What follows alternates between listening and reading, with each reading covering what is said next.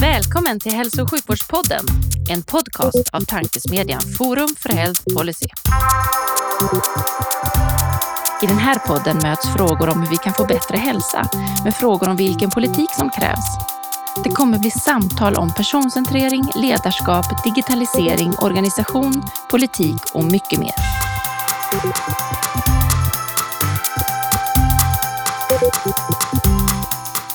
Hej och välkomna till Forum för Health Policys hälso och sjukvårdspodd. Forum för Health Policy är en oberoende tankesmedja som syftar till att driva på innovation och utveckling i hälso och sjukvården och omsorgen.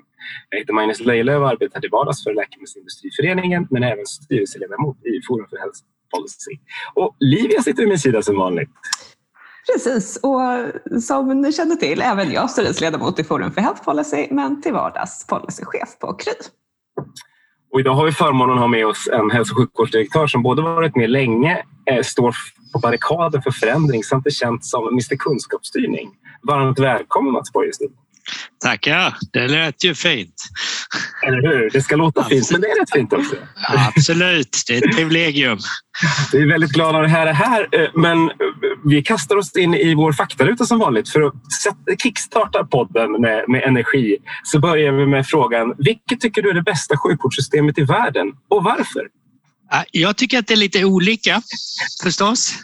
Bra. Eh, och man kan lära av många. Några som jag har lärt mig mycket av är, är dels eh, South Central Foundation i Alaska som jobbar väldigt nära eh, sina medlemmar eller invånare och tar tillvara på deras kraft och utgår från deras behov. Jobbar väldigt nära. Jag tror de är nära vård på riktigt på något sätt. Eh, sen har jag ju följt mycket eh, Intermountain Health System i Salt Lake City, Utah. Och det är för deras sätt att ha byggt upp kunskapsstyrning och jobba med de kliniska resultaten. Där tycker jag de har kommit väldigt långt. Och sen finns det flera andra, men det är två som jag tycker är spännande system att titta och lära på. Jag håller inte med om allt i dem, men eh, jag tycker det har varit väldigt värdefullt och jag har lärt mig mycket. Ja, men, och det är jättebra. Det är två system som har lyft förut och, det, då, då börjar vi ana att det finns saker man, man kan ta i där. Vad det betyder att alla åker på samma ställe? Delvis kanske, men alla kan ju inte åka till Alaska. Men det, nej, verkar, komma, det verkar komma upp ändå. Du, ja. vad, vad, skulle du inte ta med dig från, från Alaska eller Intermountain? Då? Ja, Alaska är ett speciellt system. Det är gjort för native americans i Alaska så att det är byggt kring speciella saker och eh, Eh, Eh, där finns nog en del kulturella saker som eh, jag skulle tänka mig för i.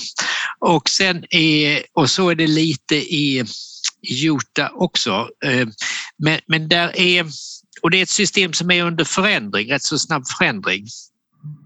Men de har jobbat väldigt mycket med hur man systematiskt bygger upp ett lärande kring sina resultat och har respekt för att det inte Eh, det är inget man installerar utan det är faktiskt hur människor lär sig tillsammans.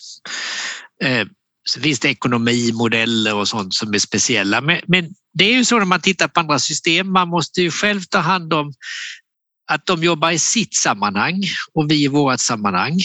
Eh, och så får man plocka ut det som är spännande i dem. Sätta ihop det till något annat. Jag tror inte de är, i Utah är de inte alls lika duktiga på att utgå från individen. Så att det är lite olika. Ja, men då när vi ändå är, du lyfter direkt det här med kunskapsstyrning och kliniska resultat. Absolut! Och det för oss raka vägen in på fråga nummer två i, i faktarutan som eh, handlar om eh, vilka de tre bästa parametrarna för att mäta och utvärdera eh, i vården är och varför. Alltså, jag, jag har sysslat med mätning och uppföljning av vård nu i jättemånga år.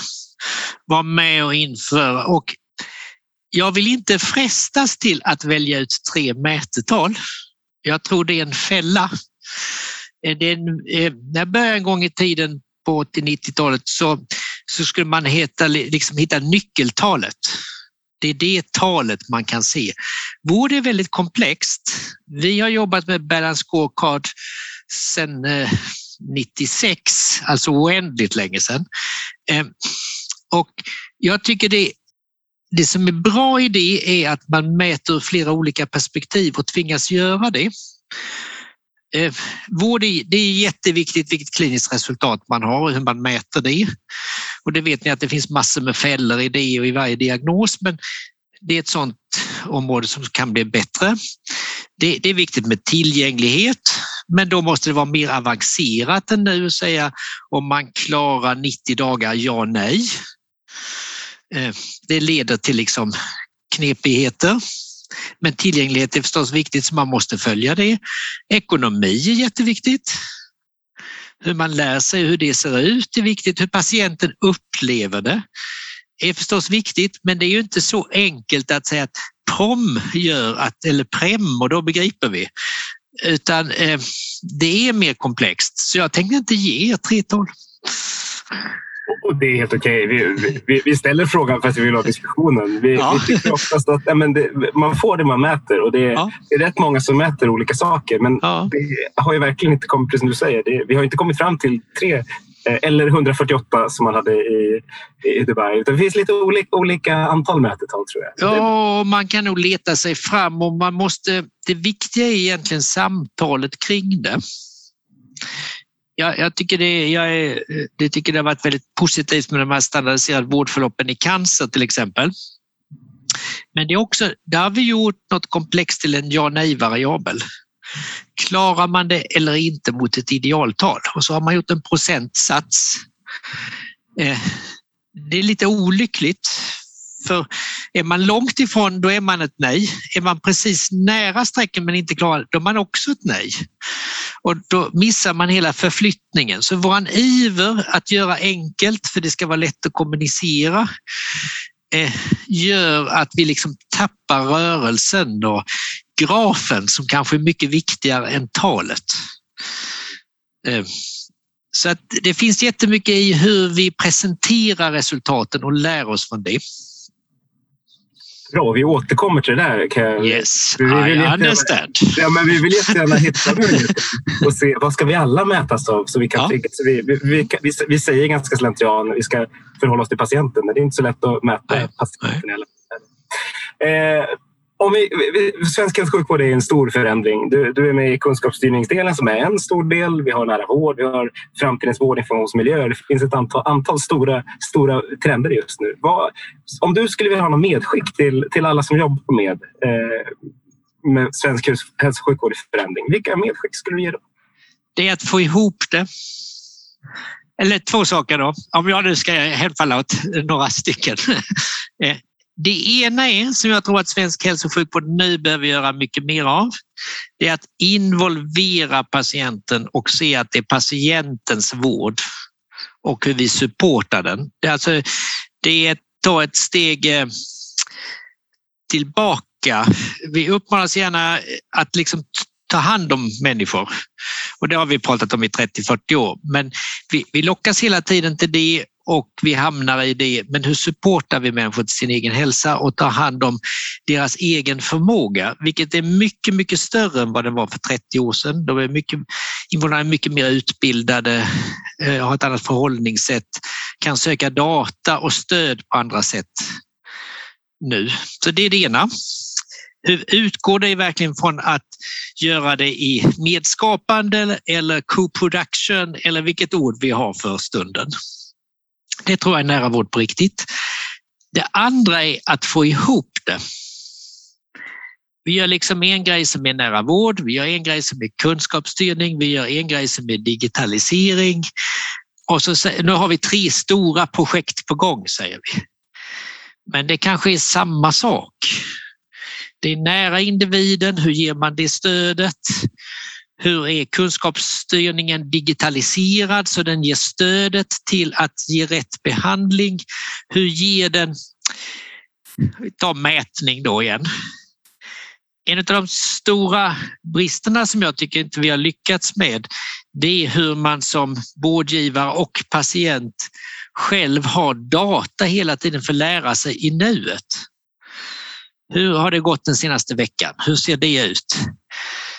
Det behöver jag veta själv som patient, men jag behöver också veta det som vårdgivare. Vad har jag hittat på nu som läkare här? Följer jag? Hur ser det stödet ut? Där tror jag vi kan komma. Det finns så fantastiskt mycket bättre stöd nu. Och det går tyvärr lite för långsamt att få in dem. För enda sättet är egentligen att vi går ihop. Det är volymfrågor, det gäller att vara Ja, det är ingen region, inte ens Stockholm eller Västra Götaland som har kraft själva att göra det. Därför har jag engagerat mig i att hur vi gör det tillsammans. För det är 10 miljoner invånare, eh, snart 11. Det är ändå en viss power, även om det inte är stort internationellt. Men det är ett språkområde och det är en väldigt homogen eh, grupp och homogena resurser. Så att jag tror det kunde gå. Det tror jag är spännande just nu. Få ihop det, inte prata om det som olika delar. Och det där är ju väldigt spännande i sig. Hur, hur får man ihop det?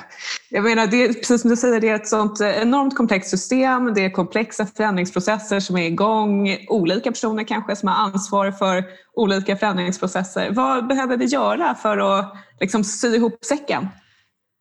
Jag tror man lär sig, eh, jag har ju sysslat mycket med kvalitetsutveckling och eh, kvalitetsarbeten och sånt. Det är ett typ av språk av ledarskap. Eh, då tror jag att man behöver göra det praktiskt. Vi, vi jobbar nu med personcentrerade vårdförlopp i kronisk sjukdom. Alltså, hur ska patient, vad ska patienten själv göra i KOL? Vad ska vi stödja? Vad ska sjukgymnasten göra? Vad gör man på vårdcentralen? Vilket digitalt stöd kan vi ha? Vad ska man följa för någonting? Då plötsligt går det ihop i någonting som är praktik då, då blir det, tror jag, förståeligt. Och så växer det fram ett nytt sätt att agera och då börjar vi tänka annorlunda.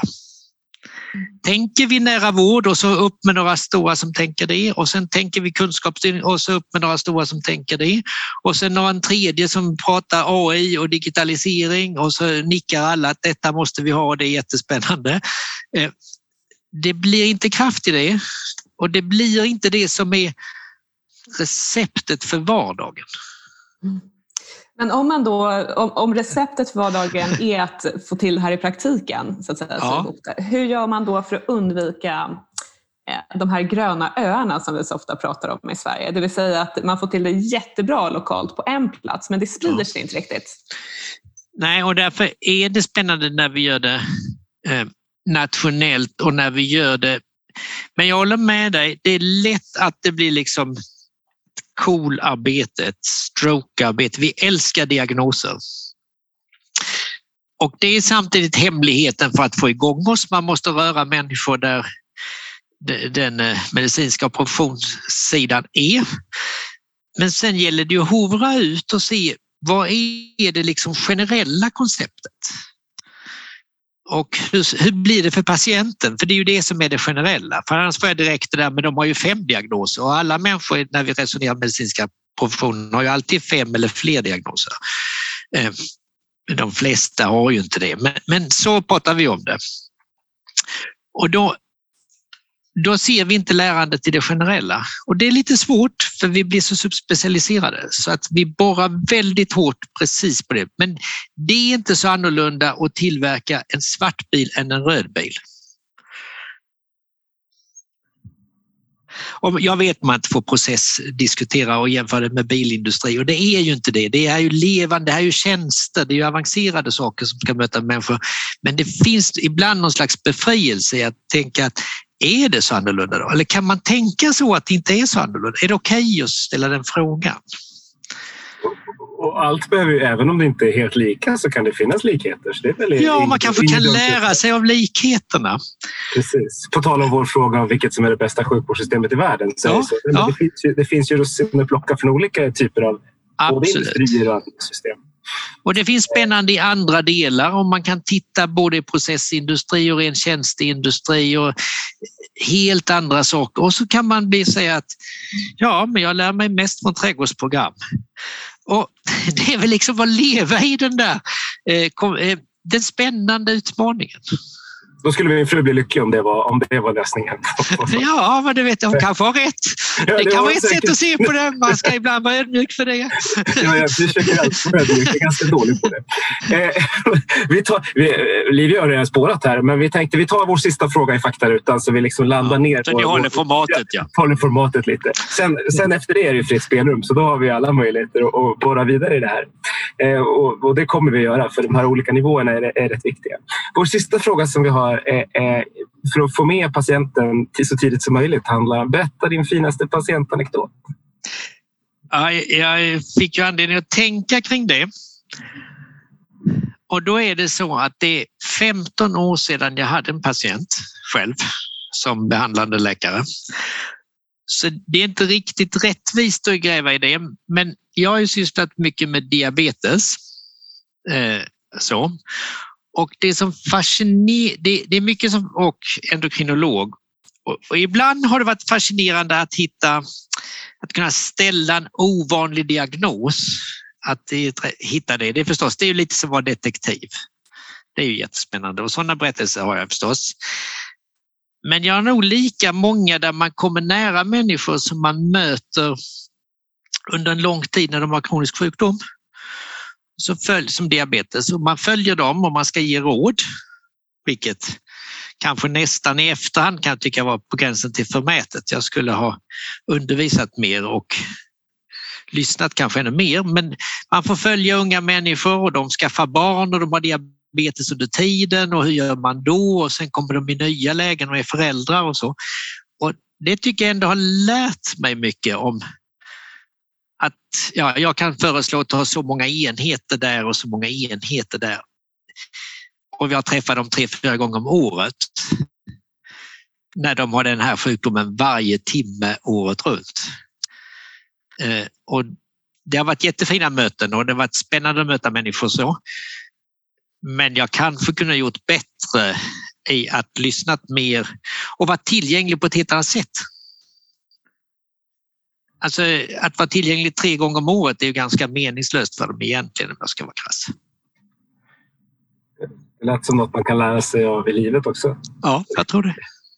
Så, Man får vara nyfiken hela tiden. ja, men. Lyssnande och nyfiken är bra sak. Det är Ja, ja.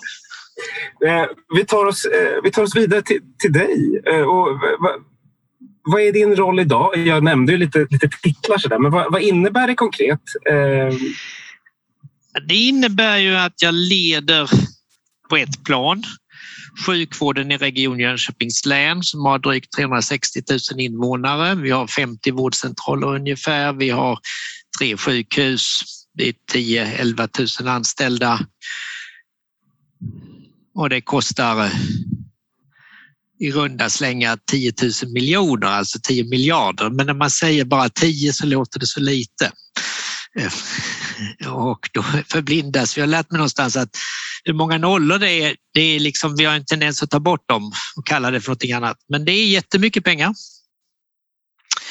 Eh, vi är av med många miljoner tills idag under den här dagen bara. Eh, och det tål att tänka på och ha respekt för. Eh, och jag har ju förstås jätteduktiga chefer som jag är chef för som gör mycket av jobbet och jag har väldigt många anställda som gör ett fantastiskt jobb och min uppgift är ju att hålla ihop det, presentera det för politik och omsätta också politikernas vilja i vår drift så att säga. Och eh, det här med eh, Mr Kunskapsstyrning, Ja. hur, hur blir man det och, och vad gör du i det uppdraget? Ja, alltså det är ju inte min egen titel, men Det är en väldigt bra titel tycker jag. Ja, jag tycker den är fantastisk. Den är fantastisk. Även om jag ska säga att det har varit väldigt mycket vånda när man har bestämt sig för att ändå få heta kunskapsstyrning. Är det kunskapslärande? Är det ledande? Men till slut måste man eh, fatta eh, något beslut. Nej, jag har varit väldigt engagerad i att vi behöver i landet gå samman kring det kliniska resultatet och hur vi förbättrar det och hur vi gör stöd till medarbetare att lyckas i det. Men också att våga följa och se att det förbättras.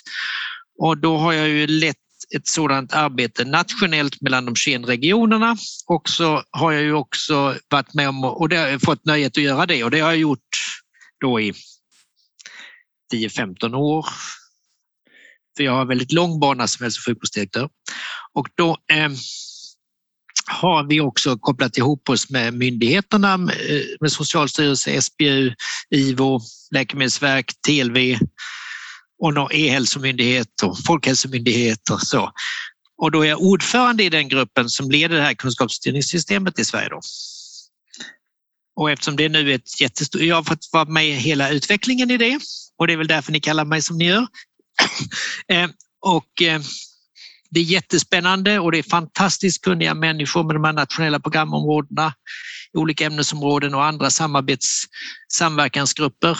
Visar vilken bredd Sverige har och vilken kraft det finns. Och sen har man byggt sådana system i varje sjukvårdsregion. Och nu når man ut till patienterna och man gör program med det. Och det känns jättemeningsfullt att få vara med egentligen, att bara facilitera att de här mötesplatserna finns. Absolut. Du nämnde att det varit hälso Vi ska borra i kunskapsstyrning. Ja, förstår det. Ja. Mm. Du nämnde också att du har varit hälso och sjukvårdsdirektör väldigt länge. Så. Vi behöver ja. diskutera hur länge saker och ting är. Men vad, hur, hur, ser din karriär ut? För, ja, ja. ja ja det vet jag inte. Men, men jag blev eh, läkare 84. Eh, jag blev eh, Och också utbildade jag mig till endokrinolog Jag har jobbat på ett sjukhus i Småland som heter Höglandssjukhuset i Eksjö som medicinare. Blev chef för medicinkliniken 96. Fick leda den då på Höglandssjukhuset. Eh, disputerade 99 om diabetes och komplikationer. Eh, jag eh, fick nöjet under den tiden som chef i Eksjö att leda ett stort utvecklingsarbete i regionen som heter uppnå perfektion eller det var ett stort internationellt arbete som egentligen heter Pursuing Perfection. Utmanande i Sverige att kalla någonting sånt i vården. Eh, men som handlar om hela, och det gjorde vi ihop med något som heter Institute for Healthcare Improvement som i Boston har sitt säte och är ett av världens främsta säten på kvalitetsutveckling i hälso och sjukvård. Och sen 2006 blev jag hälso och sjukvårdsdirektör i regionen och har varit det sedan dess. Ja, 2006, det är faktiskt några år. Det kan man ja, det är faktiskt 15 år i höst som det har varit det. Ja, då finns det en som har varit längre. Hon är i Östergötland. Men det verkar vara något med Jönköping. Vi har haft med Göran Henriks i den här podden också. Han, ja, han är, nu, han är, du ser, vi håller i länge. Eller så har ni väldigt roligt där nere. Det är väl också ja, jag tror vi har både och. Det är både och. Du det är därför vi håller i, för att vi har roligt.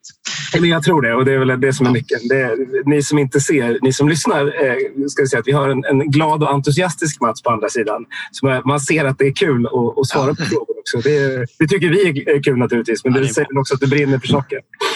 Eh, jag tänkte eh, vi kan väl hålla kvar i diabetes eftersom du, eftersom du lyfter det. Eh, diabetes, kvalitetsregister diabetes är ju liksom ett, ett riktigt bra kvalitetsregister som är väldigt bra på att visa upp hur, hur skillnader och likheter mellan patienter och populationer på olika vårdenheter liksom på, på olika nivåer.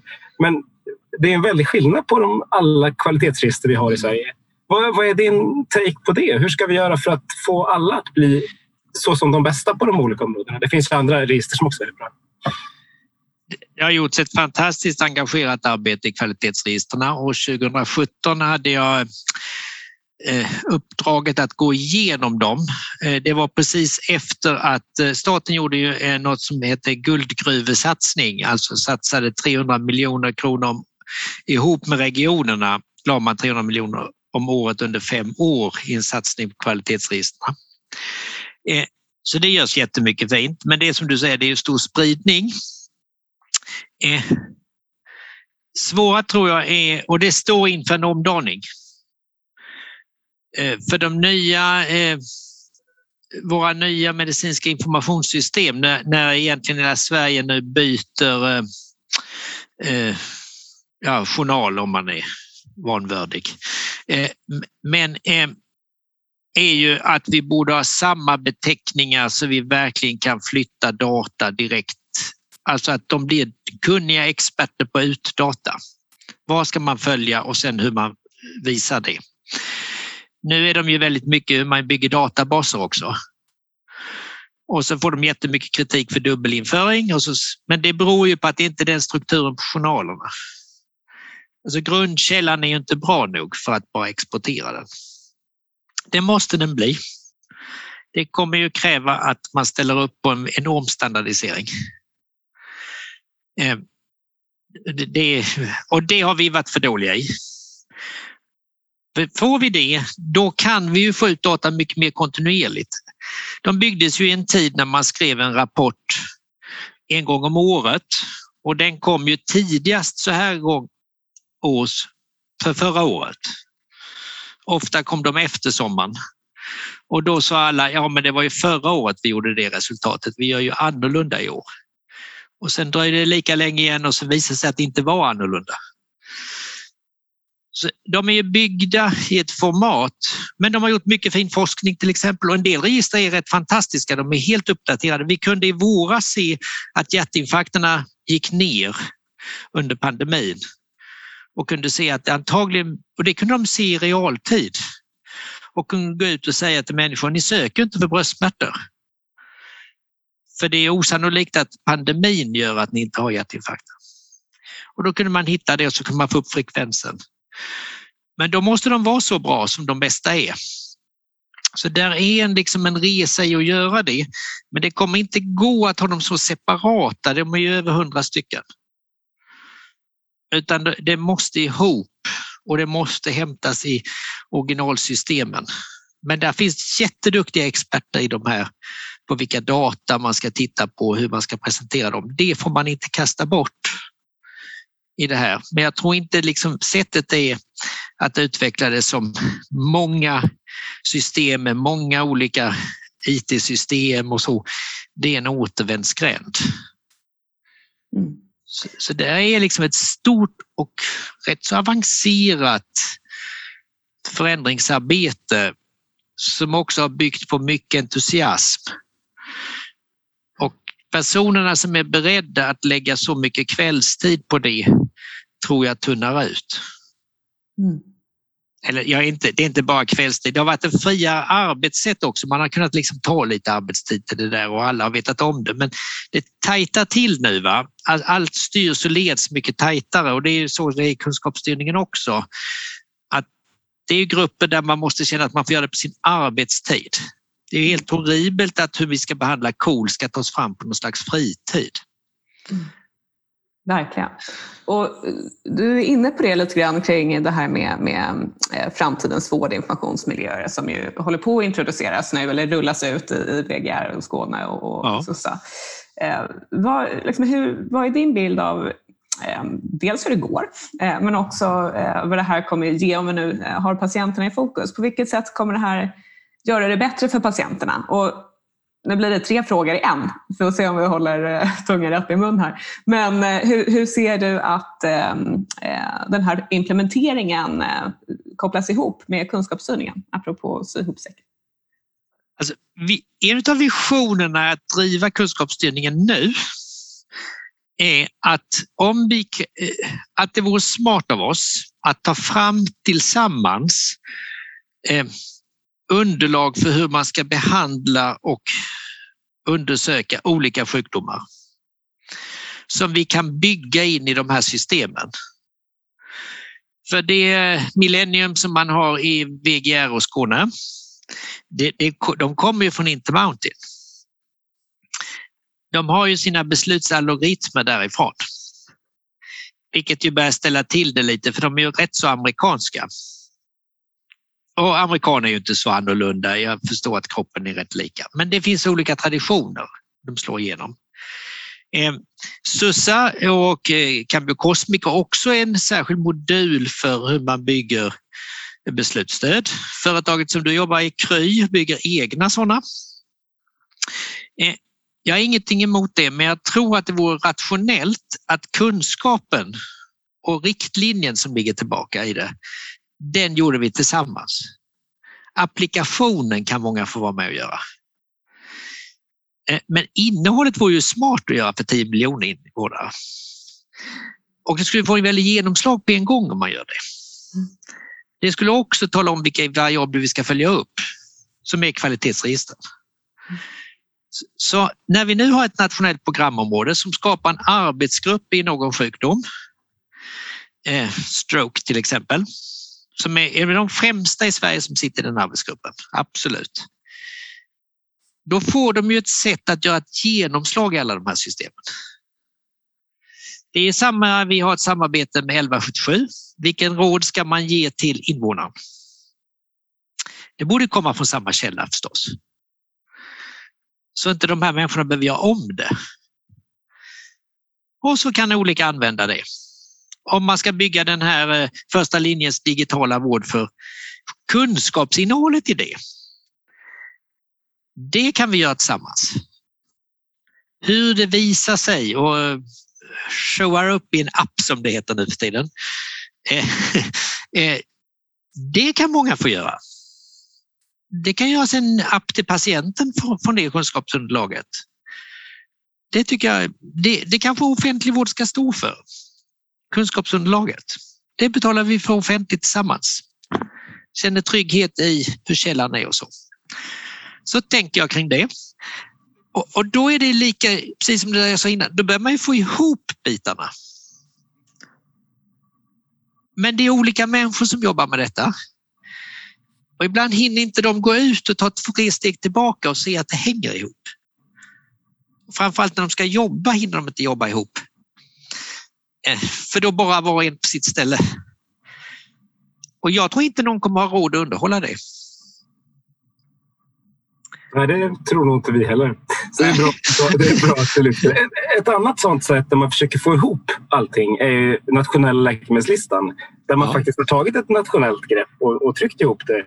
Men så läste jag en debattartikel där du till exempel har skrivit under att det här, nu måste vi pausa det här och göra på annat sätt. Vad, kan, kan, du utveckla? Vad, ja, vi tycker inte att man tekniskt har hunnit fram så att man kan stödja oss. Det är för många variabler som är inte klara. Alltså, vi har ingenting emot att det blir en nationell läkemedelslista. Nej, det tror jag inte heller. Jag, Nej, jag det är inte det. Alltså, det, är inte det. Det, är, det är hur det tryggt kan införas. Och då säger våra olika leverantörer också att det här är ju alldeles för spretigt. Och vi kan inte bygga de stöden till er som ni behöver om man inte bestämmer. För vi har provat det någon gång innan och sen ändrade sig alla konceptet och då ville ni inte betala det vi hade byggt. och det var väl sant, det ville vi ju inte för det kunde vi inte använda. Men, men det var, de hade ju byggt i god tro på att, vi skulle, på att det funkar. Mm. Vi tycker inte det är riktigt färdigt och det är jättesynd för det borde varit färdigt för flera år sedan. Vad kan, vi lära, vad kan vi lära oss av det? För jag, jag, kan, jag förstår vad du säger. Jag är bara mest nyfiken på hur kan vi lära oss att, att nästa gång... För nu, vi pratar väldigt mycket om att allt ska hänga ihop och vi behöver, ja. Liksom, ja. vi behöver få ihop saker. Det här är ändå ett, en ansats till att få ihop Absolut, det. en viktig och, sak. Absolut. Och, hur ska vi, vad ska vi lära oss av, av, av vårt misslyckande? För det är väl alltid det vi behöver göra. Ja, det är rätt. Jag vet inte om vi lägger i tillräcklig resurs från början. Faktiskt. Eh, och det är speciellt så att när vi gör saker tillsammans är det ännu svårare att plocka samman pengarna till det. Eh, för det, det går åt resurser och sen krävs det ett väldigt tajt samarbete. Eh, så är det nu. Om vi ska få ihop de här eh, vårdinformationssystemen så krävs det egentligen många informatiker som jobbar tillsammans. Eh, men alla behöver dem hemma. Och då är det stor risk att det blir spretigt igen. För alla har sin egen deadline. Skåne har lagt i en och en halv miljard. När ska det upp och gå? Eh, de har lagt i två nästan tror jag i Västra Götaland. SUS har lagt i jättemycket pengar, lika mycket, eller inte, ja men massor med pengar. Eh, alltså balansen av att våga göra ihop med risken att det tar lite längre tid kontra göra det annorlunda hemma. Det, det är en av de lärdomarna som jag tror är svåra. Vi är inte alltid jättebra på att jobba ihop. Nej, det är ju ett område som ofta, ofta eh, lyfts upp. Eh, och, och liksom mot bakgrund av det då, givet att det är så svårt att redan här i så att säga, steg ett då, om man får säga, få in ja. kunskapsstyrningen i de nya systemen och bland alla olika eh, stödverktyg och tjänster och appar och allt som finns. Givet att det är så pass svårt att bara få till det där i alla fall första gången. Med tanke på liksom den mängd forskning och data som, som genereras nu, hur behöver kunskapsstyrningsorganisationen jobba för att kunskapsunderlag och beslutsstöd är uppdaterade och hur ser man till att det kontinuerligt trycks ut i de här olika systemen och organisationerna? Finns det några ja, men, Jag tror det är en bra, bra frågeställning. För vi har fått kritik för ibland att varför har ni gjort så traditionella grupper? Och varför har ni gjort så många grupper? Och jag tror svaret på det är att ja, det är så här komplext och det behövs många grupper. I ett nationellt perspektiv är det ändå inte många personer. Vi kan bevaka ett ganska avgränsat område, benischemi. För att det finns ett antal experter i Sverige. Om vi sätter ihop dem, då följer de det exakt. Det gör de ju ändå i sitt jobb och så. Men om de tillsammans så följer de och ändrar hela tiden. Och vi kan liksom inte ha det där arbetssättet som vi haft innan när vi gjort nationella riktlinjer ihop med Socialstyrelsen, att vi uppdaterar dem var tredje år. Vi måste uppdatera dem hela tiden. Och då är det inte böcker vi trycker och det är inte remisser hela tiden, utan det är människor som är dedikerade, som kan detta och som vi har kollat hur förhållandena är och sånt. Och så jobbar de åt oss allihopa i det. Och jag tycker om man följer det här arbetet som sker i de här grupperna så är det rätt fantastiskt för de är väldigt initierade. De hittar områden som man inte har tänkt på och ställer sig frågor som är jätteviktiga. Ehm, vi har till exempel inte i stroke haft en enhetlig rekommendation när man ska få behålla sitt körkort eller när det ska dras. Det har den här gruppen gjort för några år sedan. Det är en ganska viktig sak. Medicinskt kan man ju diskutera men för individen jätteviktigt. Känns ju fair att det är ändå gjort på ett likartat sätt.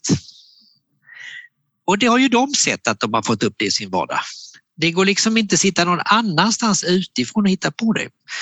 Så jag tror genom att verkligen säga, och vi känner också att de människorna som får vara med i de här grupperna, de blir väldigt dedikerade. De har ju funnits innan också i Läkarsällskapet eller i, i vad heter, Sjuksköterskeföreningens delar och så. Men vi, ty vi tycker egentligen att arbetsgivaren ska ta ansvar för att betala det. Mm.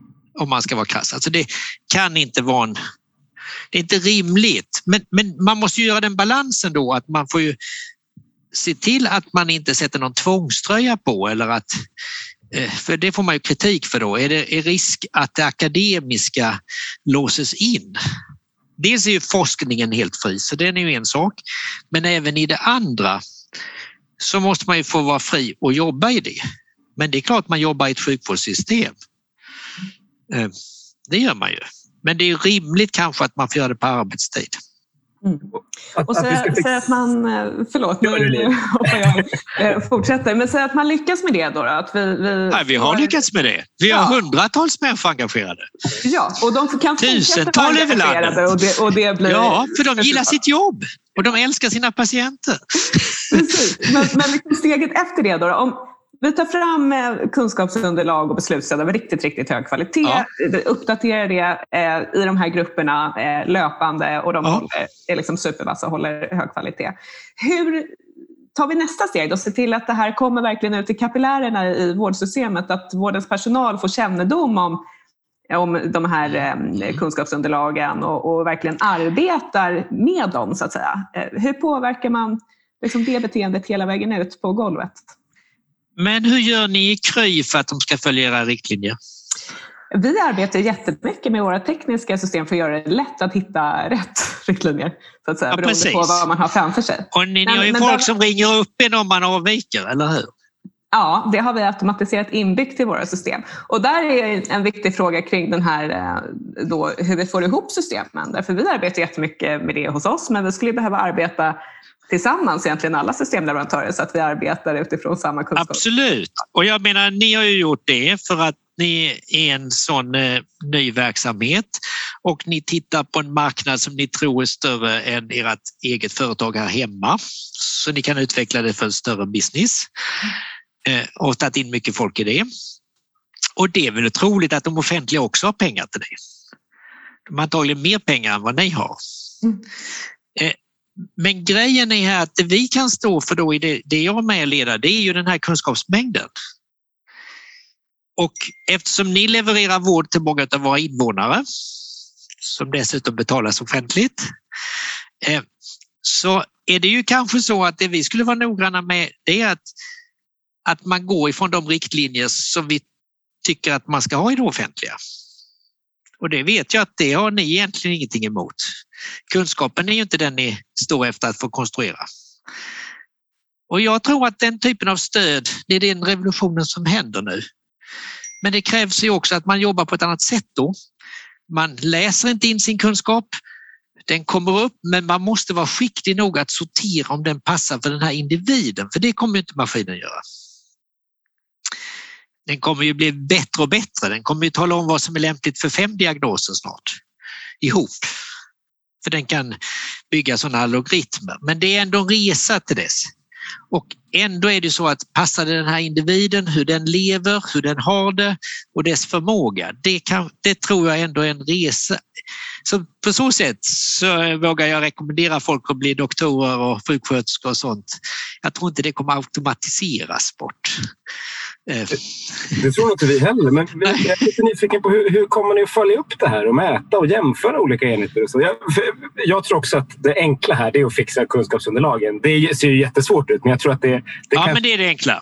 Ja. Sen ska vi implementera och det, det, finns liksom, det finns lösningar och så, men vi ska ändå få en stor kulturförändring i en jätteorganisation. Eller ganska många jätteorganisationer. Hur, hur, hur mäter vi och följer upp det här?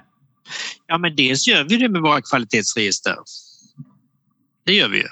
Mm. De är ju fortfarande... 100, 100, 100, drygt 100. Ja, de kommer ju bli bättre och vi kommer förbättra de systemen och de som jobbar med det vill ju verkligen göra det. Men de är ju kunniga i det. Och de kanske blir 150 istället. Eller så blir 13 rörelseorganens register 1. Men de kommer ju ändå följa alla de olika diagnoserna. För det är olika att lära sig om skuldran fungerar eller om fotleden. Så att, eh, man måste ju ändå titta på det från olika håll. Det kommer vi göra. Eh, och det tycker jag vi redan gör, följer. Alltså vi har ett tydligt mål i kunskapsstyrningen. Det är att eh, ska ju vinna liv och ge en jämlik hälsa.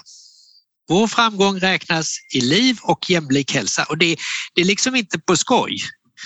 Jag är övertygad om att det går att vinna liv eh, i detta. Ja, I Intermountain heter det Our successes counties in lives. Mm. Och det gillar vi. Men kan du till exempel se okay, vilket sjukhus är bäst på att följa kunskapsstyrningens styrning? Nej, det kan jag inte se. Skulle du vilja kunna se det och hur skulle man komma eh, dit? Eh, jag skulle... Eh, jag eh, vill och gör fråga de sjukhus jag är chef för hur följer ni era resultat? Hur ofta tittar ni på dem? Och när ni ser det här, vad har ni gjort? Eh, och då måste de ju göra det utifrån det de är ansvariga för.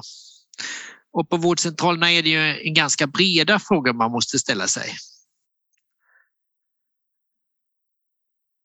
Så jag, jag tror det är mer att leda med frågorna Ja, eh, man är ledare för en väldigt tävlingsinriktad verksamhet som vill göra väldigt bra. Och då eh, om man utmanar med frågor så eh, tycker jag att det verkar som om man, man tänker ett par gånger och mm. försöker komma tillbaka och prestera. Det vet jag. Jag tror att eh, som sagt finns en anledning till att ni i Region Jönköping har många engagerade medarbetare som har varit med väldigt länge. Jag minns första gången jag besökte er också. Det var ett sånt enormt eh, en enorm glädje, liksom framåtanda. Ja. Så det, det, förstår jag. Men eh, för att komma vidare lite, lite bredare från kunskapsstyrningen. Det är ju en del av, av utvecklingen som, som drivs nu av svensk hälso och sjukvård. Men om du får, får blicka framåt. Jag vet som sagt att Region Jönköping är en framåtblickande eh, organisation och region. Eh, hur ser du att, eh, att svensk sjukvård ser ut 2030? Vad, vad kommer ha förändrats? Hur långt har vi kommit i det här med att knyta ihop säcken? Och, och vad kämpar vi fortfarande med kanske? Eh, jag tror att eh, patienterna följer sitt eget mycket närmare än idag. När jag skrev min avhandling för över 20 år sedan så var, handlade det om hur barn hade mindre komplikationer i diabetes och varför de hade fått det.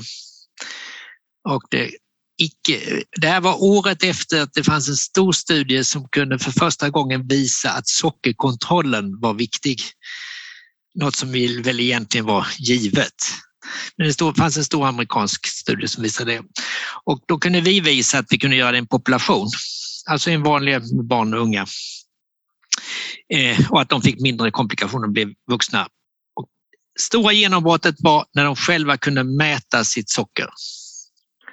Det är på 1970-talet som man kunde göra det i urinsocker och sen i blodsocker slutet på 70-talet. Och HbA1c kom på 80-talet. Och då kom stora genombrottet. Det byggde inte på att doktorer kunde mäta det. Det byggde på att individer kunde göra det. Man fick själv för, från början på 70-talet när man sa till barn att de måste kissa på sådana här tabletter för att se om de hade urinsocker. För man skulle inte behöva bli påmind om sin sjukdom. Men när jag ser så många andra sjukdomar som är kroniska, som är 80 procent av våra kostnader, hur lite det ändå har hänt i att följa sina egna data och vad man gör själv. Och hur man justerar sin hjärtsviktsbehandling eller sånt där, utan allt ska upp och vända hos en läkare eller sjuksköterska. Då tror jag potentialen är stor. Du kan man gå omkring med en iWatch och se ett perfekt EKG hela tiden om vi ska börja rapportera in det till, till, att det sitter en massa människor, eh, professionella och sen betala, eh, berätta tillbaka vad de ska göra, då får vi ha ett enormt manöverbord. Vi har människor som kan lära sig detta själva. Vi måste tro på det och utveckla det. Så jag tror att vi har utbildningar till patienter på olika nivåer, även på akademisk nivå. Man kan få läsa 15 poäng diabetes för mitt barn har fått diabetes digitalt förstås. Det tror jag man gör om då. Eh, som själv kan man lära sig jättemycket om det. En del kommer inte kunna gå en akademisk utbildning utan gå en kvällskurs. Men vi kommer också förvänta oss att man har gjort det.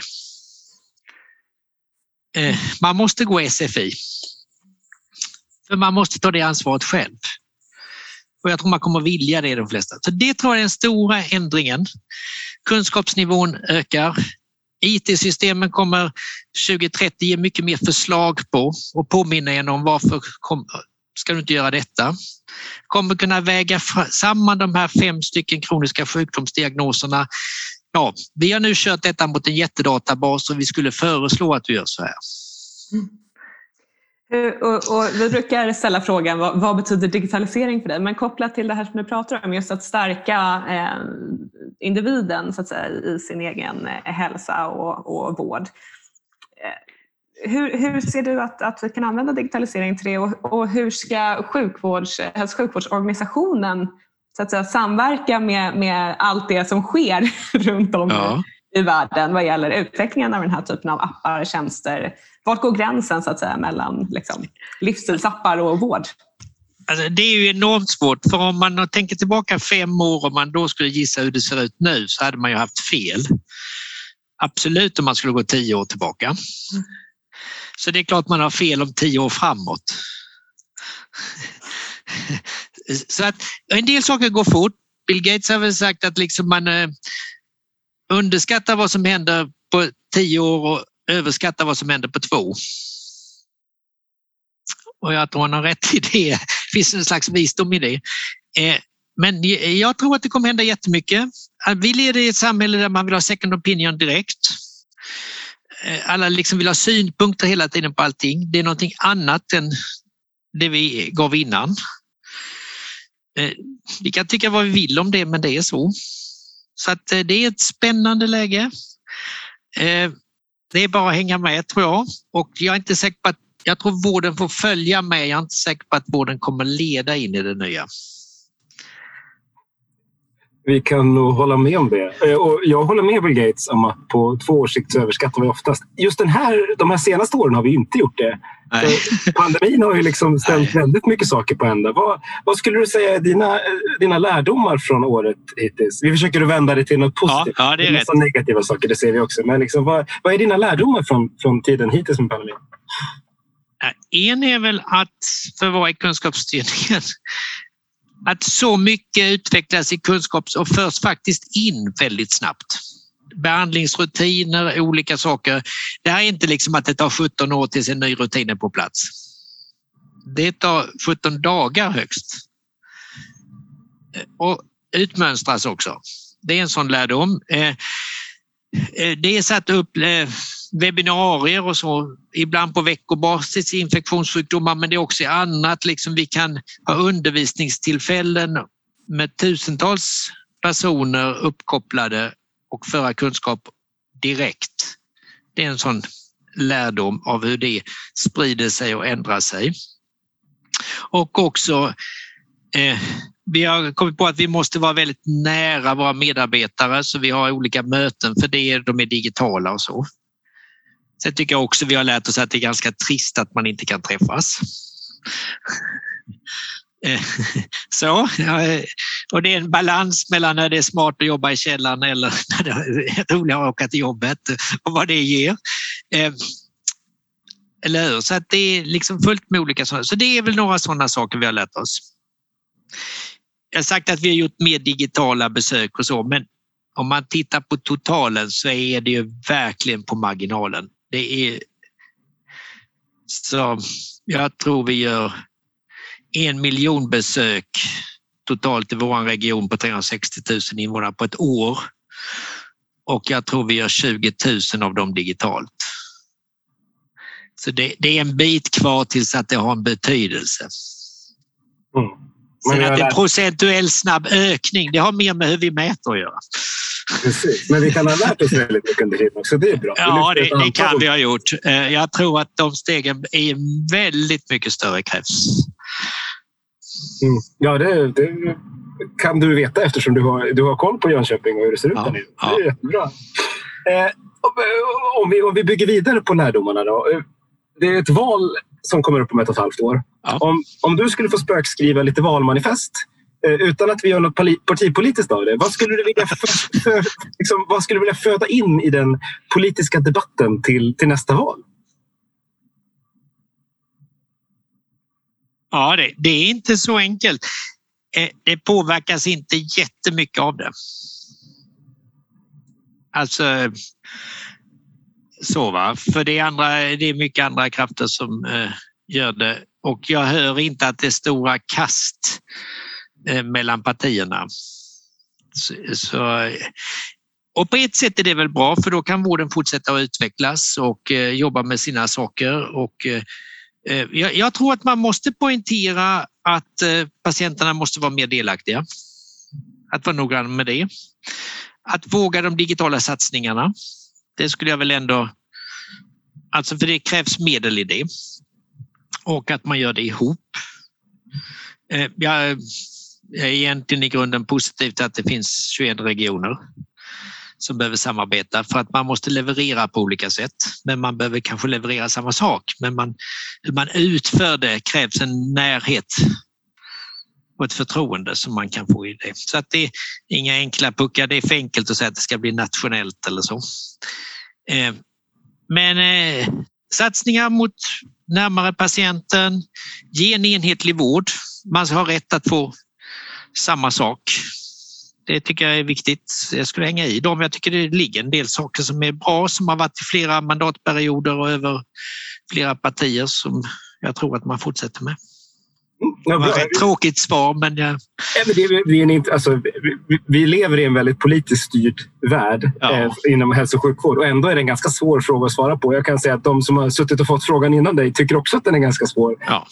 Och det är inte så stor skillnad. Va? Alltså den levererar, eh, det tillgänglighet är viktigt, eh, det kliniska resultatet är viktigt, får inte underskattas. Det kommer man inte politiskt gå i. Eh, för det är för komplicerat så man kommer mäta tillgänglighet och man kommer uttala sig om det. Det är enklare. Mm. Ja, det är bra.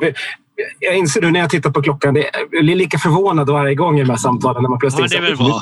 Nu, nu, nu, har eh, ni nästan promenerat en timme, ni som går, går där och lyssnar.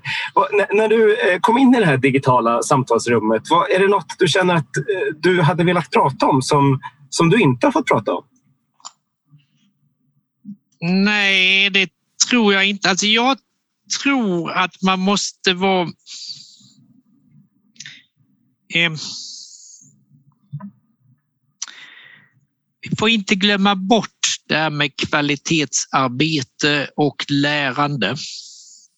Det är väldigt viktigt hur organisationen är uppbyggd kring hur den lär sig utav sina resultat och gör dem bättre och ser sin komplexitet. Och det tycker jag vi har pratat om. Och vi har pratat om medskapande eller co-production och sådana saker. Som, och vi har förstås pratat om kunskapsstyrning. Ja, bra! För vi, vi hade kunnat prata om en massa saker men vi inser att vi kan inte göra fyra timmars poddar bara för att vi har jätteintressanta gäster, även om det hade varit kul för oss. Ja, nej, men jag är också nöjd. Det är skönt. Men då, då skulle jag vilja tacka dig så mycket Mats för, för ett trevligt samtal. Tack Livia som alltid för en trevlig sparring och tack alla ni som har lyssnat. Eh, fortsätt att lyssna och kommentera. Sprid vårt gospel så fortsätter vi försöka förändra svensk hälso och sjukvård till det bättre. Tack så mycket för idag. Tack så mycket. Tack.